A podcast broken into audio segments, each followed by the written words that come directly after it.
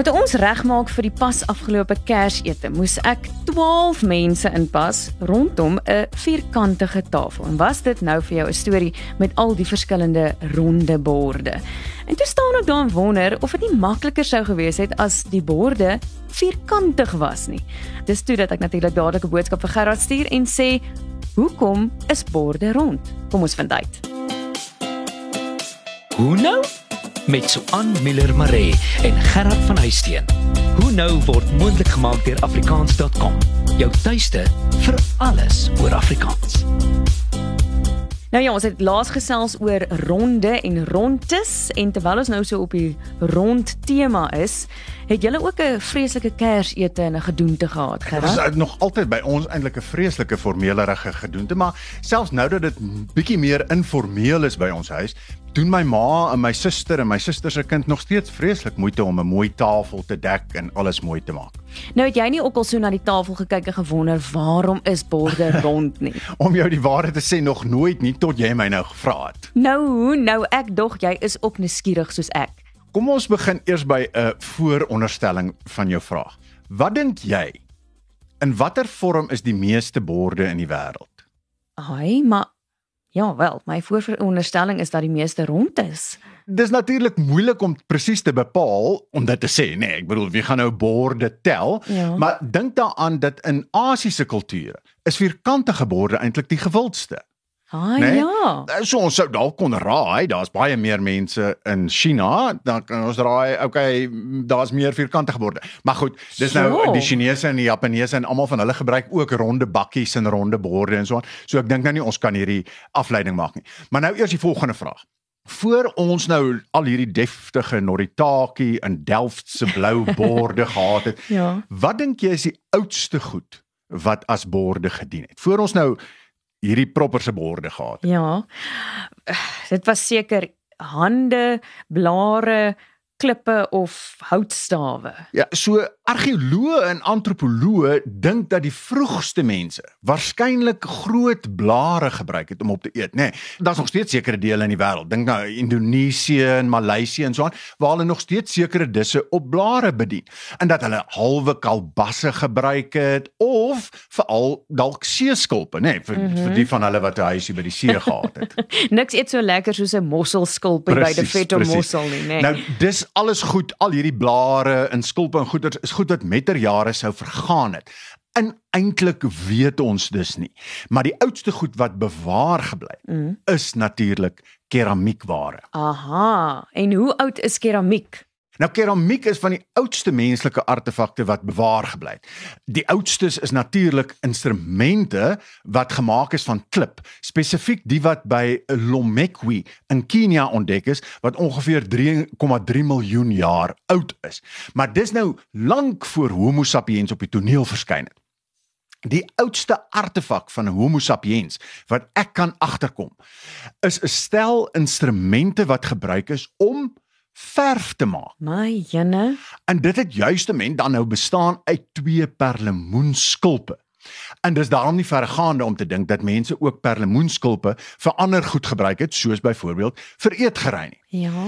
Nou, die mense vermoë om vuur te beheer. En let op, ek sê dit nie die mense om vuur te maak of so iets nie. Ons het dit lankal gehê, maar hoe beheer ons vuur is ongeveer 2,3 miljoen jaar gelede dit plaasgevind en dit het natuurlik talle en ander uitvindings moontlik gemaak waarvan pottebakkery een van die oudstes is want hulle kon natuurlik hierdie goeders bak hierdie klei skielik bak Ah, net soos borde wat dan nou gebak word. Presies, presies. En as jou jy jou logika moet gebruik, dan kan jy sommer self raai dat dit makliker en natuurliker is om iets te maak wat ronderig is uit klei uit as iets wat vierkantig is. En dis hoekom ons ronde borde het. En dis maar net een van die redes hoekom ons ronde borde het. Ah, Net na die advertensies vertel ek jou nog 'n klomp ander redes. Is jy op soek na gratis aflaaibare leerhulpmiddels vir jou klaskamer of kind? Afrikaans.com se leerhulp afdeling is net die plek. Plakkate, flitskaarte, luister- en begripstoetse, vraestelle, studiegidse en meer. Van prettige aktiwiteite tot kurrikulumgebaseerde inhoud. Afrikaans.com se leerhulp afdeling bied nuttige hulpmiddels vir voorskool tot matriek. Besoek afrikaans.com se leerhulp afdeling en maak leer lekker. Jy luister na Hoe nou met Gerard en Swan en Swan en Swan.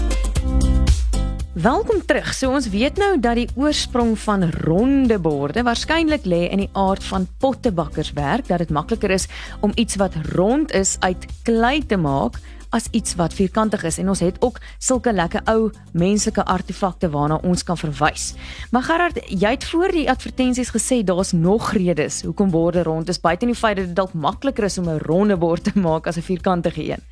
OK, so kom, raai raai. Watter een van hierdie volgende redes is korrek? Mhm. Mm Een, die oormense se model vir borde was rond want voor daar borde was, het hulle uit kommetjies en bakke geëet. So 'n bord is maar net 'n platter weergawe van 'n kommetjie. Ooh. Okay, so da, hulle dit gebaseer op daai model. Ja. Tweede ene, vierkante en reguit lyne is kunsmatig en kom nie in die natuur voor nie. Mm. So die oormense dis gewoon die model van die natuur nagevolg. Mm. En dis nie enigiets anders nie. Ja. Okay, maar daar's nie reguit lyne. Ja. Die derde ene, die oppervlakspanning van vloeibare stowwe neig daartoe om die oppervlakarea van die vloeistof te verklein. Ja. Nou, ronde borde is wiskundig en uit 'n fisika oogpunt uitgesien die effektiefste vorm om vloeibare stowwe te beheer. Dis 'n mondvol. 4, laaste ene, ronde borde is meer ekonomies as vierkantige borde. Ooh. Wat een van die vier? Oh, dis 'n moeilike een. Ek sal sommer gaan met opsie 2 rond is 'n meer natuurlike vorm. So al vier is goeie moontlikhede en bestaande teorieë oor waar borde vandaan kom en hoekom borde rond is. Ja. Dit word in verskillende kategorieë verdeel. Byvoorbeeld, die praktiese ene, dis makliker om 'n ronde voorwerp uit klei te maak as vierkantige ene. Nommer 2, die evolusieteorie nou, dat ronde bakke gelei het tot ronde borde. Die derde een is die antropologiese rede dat ronde vorms en kurwes natuurliker is as vierkante en reguit lyne en die vierde ene ekonomies en industrieel. Dis makliker en goedkoper om ronde borde te vervaardig, te bære, skoon te maak ensovoorts. Nou hoe nou met watter teorie neig ons om eerder saam te stem? Nou die laaste rede is dalk 'n bietjie kontensieus, maar ek het gaan kyk by 'n plek soos Binnens of Mr Price Home of so. Watter borde dink jy is die goedkoopste? Die rondes. Ek wou al soveel keer vir my vierkante geskoop, maar o wee nee. So ek het sommer by Binnens gaan kyk wat hier by my om die hoek is na hulle Maxwell en Williams reekse wat mm. die goedkoopste ronde bord wat daar is. Die goedkoopste ronde wit bord van 27,5 cm kos R62 en die goedkoopste vierkantige wit bord van 26 cm kos amper dubbel soveel. R116. Nee.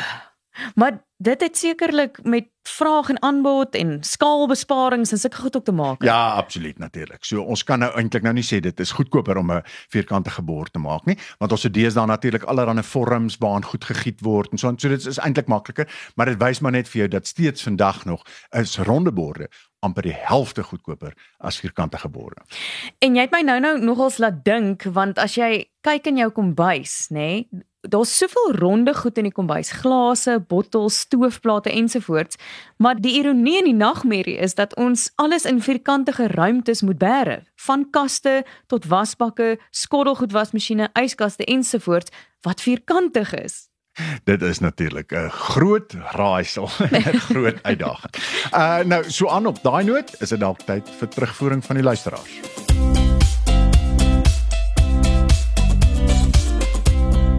So na aanleiding van 'n vorige episode Gerard, is daar 'n paar mense wat gekom het met uitspraak vra, want ons het laas gesels oor die uitspraak van pandemie versus pandemie. En jy het gesê vroeër jare het dit in die uitspraakboeke gestaan as pandemie en toe later pandemie.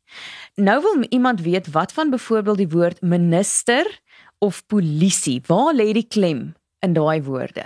Ja, so dit's ook van daai tipe goed wat sekere radiostasies se luisteraars kry skilvers in hulle borshare as iemand dan nou praat van 'n uh, minister in plek van 'n minister of praat van onderwys in plek van onderwys en so aan.